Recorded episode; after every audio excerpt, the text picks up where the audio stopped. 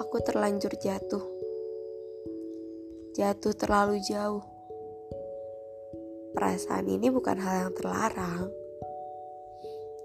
Namun tak juga bisa untuk dirasa dan dirayakan keberadaannya.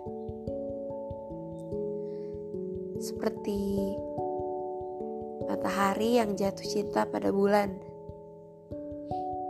Ia memberi sebagian sinarnya agar yang dicinta ikut bersinar.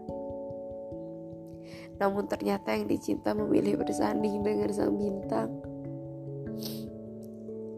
Bukan, bukan karena bulan tak cinta padanya, tapi karena takdirnya memang seperti itu.